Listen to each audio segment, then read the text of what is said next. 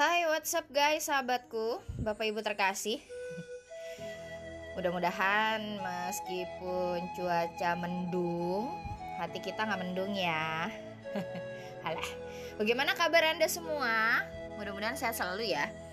Apa pun makanan yang kita makan, minuman yang kita minum, mau hari ini kita dapat rezeki nomplok atau uang di kantong masih sedikit atau malah nggak ada sama sekali yang penting kita tetap bersuka cita ya Oke, okay, hmm, hari ini suhu di Kebon Jati Bandung 25 derajat. Ya, berapa suhu di tempatnya sahabat dan Bapak Ibu?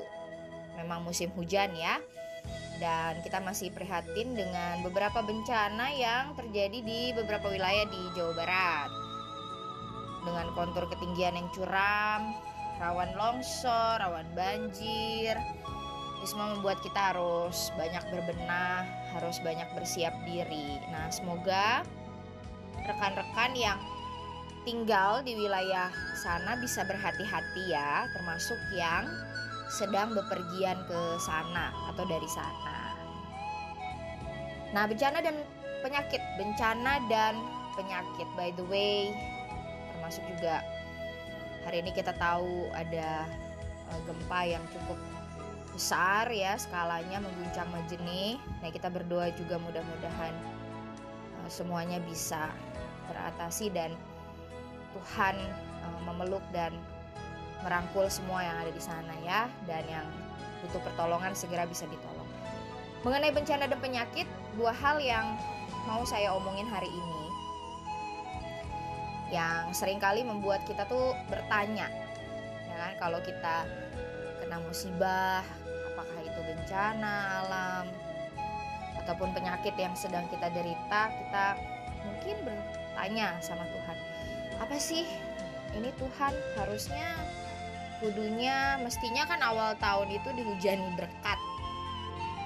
Seperti ada nyanyian jemaat ya. Hujan berkat kan tercurah. Itu favorit setiap kali kita ngasih persembahan ya. Karena sering kali banyak orang Kristen yang berpikir bahwa kalau mereka kasih persembahan tuh berarti mereka diberkati. Betul sih ya. Tapi kalau orang yang misalnya nggak punya apa-apa nggak punya uang tapi dia masih bisa memberi kasih sayang doa senyum kepada orang lain itu juga sebenarnya berkat. Jadi jangan salah ya dalam maknai berkat. Harusnya kan di awal tahun diberkati ya Tuhan ya. Sehat sembuh dunia pulih. Tapi kok malah longsor ya kan? Angka penderita COVID-19 makin banyak. Nah, informasi Jumat lalu yang saya peroleh penambahan di Kota Bandung tuh sudah lebih dari seribu ya setiap hari. Sedih sekali. Dan meskipun vaksin eh, COVID-19 terus dipolitisasi, hmm, ya itu payahnya ya kita itu kurang kerjaan. Bener-bener kayaknya kurang kerjaan berantem soal divaksin apa enggak gitu kan. Pakai isu itu haram atau enggak? Pakai isu siapa yang duluan harus divaksin ya kan pakai isu dikorupsi lah bla bla bla bla ya. Sementara kita juga masih terus mendengar sirene ambulan berbunyi setiap setengah jam sekali. Sedih sekali ya. Nah teman-teman sahabat-sahabatku bapak ibu zaman dulu 2000 tahun lalu lebih seperti penulis Injil Markus bercerita ada banyak stereotyping terhadap orang yang sakit. Orang yang tertimpa bencana, tertimpa musibah. Sakit itu tanda kita berdosa. Jadi kalau seseorang sakit dirawat, apalagi harus pakai ini, pakai itu ya, minum obat ini, minum obat itu, rutin ya, minum obat terus gitu. Supaya dia bisa sehat atau sembuh. Dia jatuh, dia harus bed rest di tempat tidur itu tandanya dia berdosa lihat misalnya kisah Ayub ya yang terus dihakimi oleh tiga sahabatnya Elfas, Bildad dan Zofar yang di mata Tuhan mereka terlalu cepat menyimpulkan bahwa Ayub sakit dan sial itu karena dosa. Nah, bacaan leksionaris hari ini dari Markus 2 ayat 9 yang mengisahkan Yesus yang menyembuhkan orang lumpuh.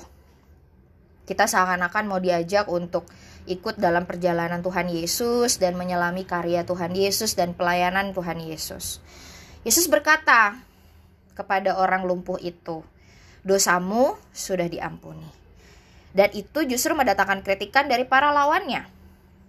Sehingga kemudian Yesus menjawab, "Sebenarnya lebih baik mengatakan yang mana? Dosamu diampuni atau angkat tilammu dan berjalanlah."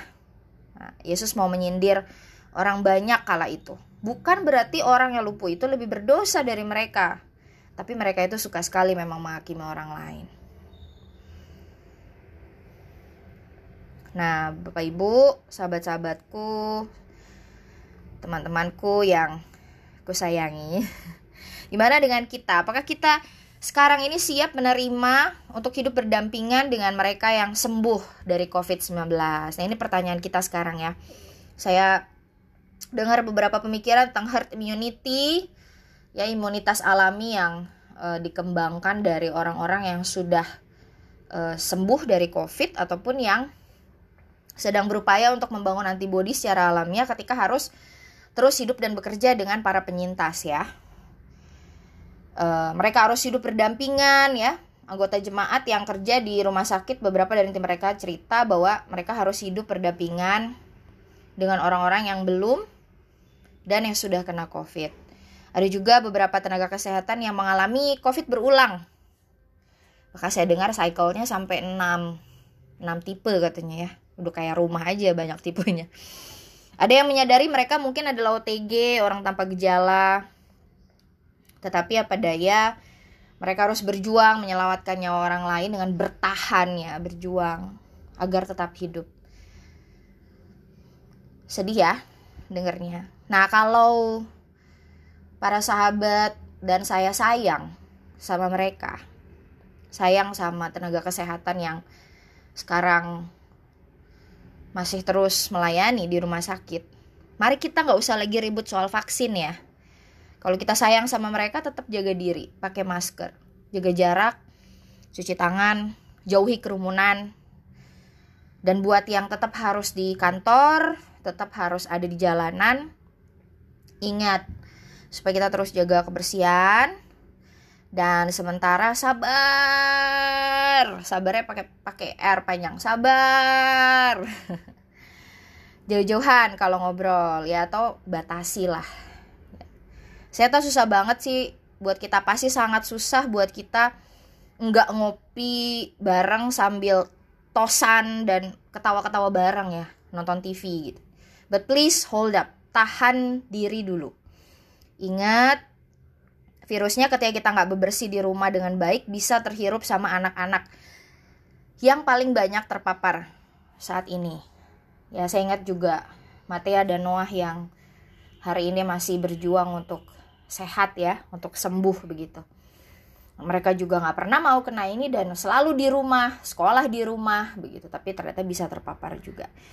Nah orang dan juga orang-orang dengan komorbid ya, orang-orang dengan komorbid uh, kita selalu berpikir kita sehat begitu. Tau taunya kita punya hipertensi punya prediabetes punya riwayat jantung punya asma punya sesak nafas dan itu eh, kadang-kadang meskipun tidak semua saya perhatikan memang lebih susah sembuh kalau sudah kena covid. Jadi kita perhatikan juga mereka Nah, sahabatku, kita sadar bahwa kita sudah sedang dan hidup bersama dengan COVID baik dengan yang sudah kena, yang sembuh, mungkin juga saat ini masih sakit.